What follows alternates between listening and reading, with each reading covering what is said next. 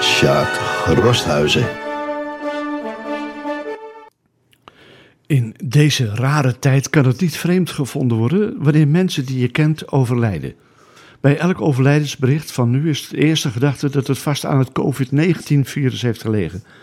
Voor twee bejaarde mensen uit het verzorgingstehuis, het gezinspaviljoen, waar ook mijn schoonmoeder woont, kan dit zomaar het geval zijn.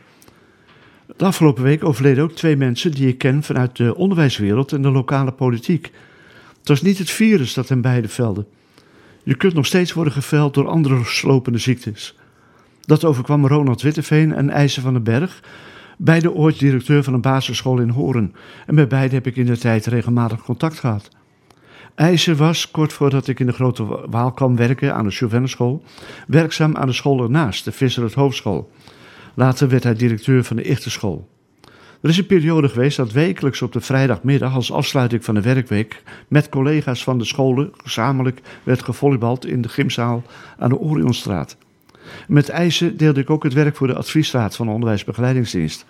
En als laatste gezamenlijke klus was er de verkeersproef voor de Horense basisscholen die wij toen organiseerden.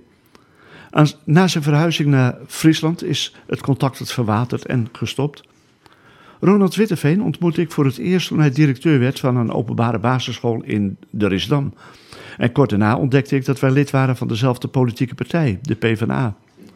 Ronald presteerde het om na zijn baan als directeur ook raadslid te worden en daarna zelfs wethouder. Ik heb niet wekelijks een column aan hem gewijd, maar ik vond hem wel af en toe terug in de teksten van toen. Op 1 december 2007 waren er enkele regels van mijn gerijmde Sinterklaascolumn over Ronald. Eén schoolbestuur riep hard genoeg. Tabor voelde zich verschopt. Want Witteveen deed wat Atlas vroeg, nu wordt overleg gestopt. Christenen zielen, denkt Sint meteen. Wat een boosheid van Hans Schipper. Het liefst stuurt hij de wethouder heen naar waar hij vandaan kwam, van de Klipper. Het feit dat hij niet veelvuldig in mijn columns werd genoemd, mag een bewijs worden genoemd dat Ronald niet een man was van de conflicten. Tegen alles in doordrammerig, ver voor de muziek uit of juist de kantjes aflopend. Hij wist wat hij wilde en wist ook dat de politiek samenwerk, teamwerk betekende. Beide mannen zijn er niet meer. In deze uitzonderlijke tijd kun je weinig meer doen dan vanaf grote afstand je medelijden of medeleven betuigen. En het voelt of je een schromelijk tekort doet. Mensen met een klein netwerk en bescheiden vrienden- en familiekring krijgen doorgaans een uitvaart die een rouwzaal niet vol krijgen. Maar IJzer en Ronald gaan nu in een nog kleiner gezelschap de laatste gang. Bij het overlijden van een Horense oud-politicus is een goede gewoonte voorafgaand aan een raadsvergadering staande een minuut stilte te betrachten. En kun je dat mooie gebaar digitaal net zo indrukwekkend verwezenlijken. Ik ben niet de enige die deze week overledenen in het geheugen terugroept.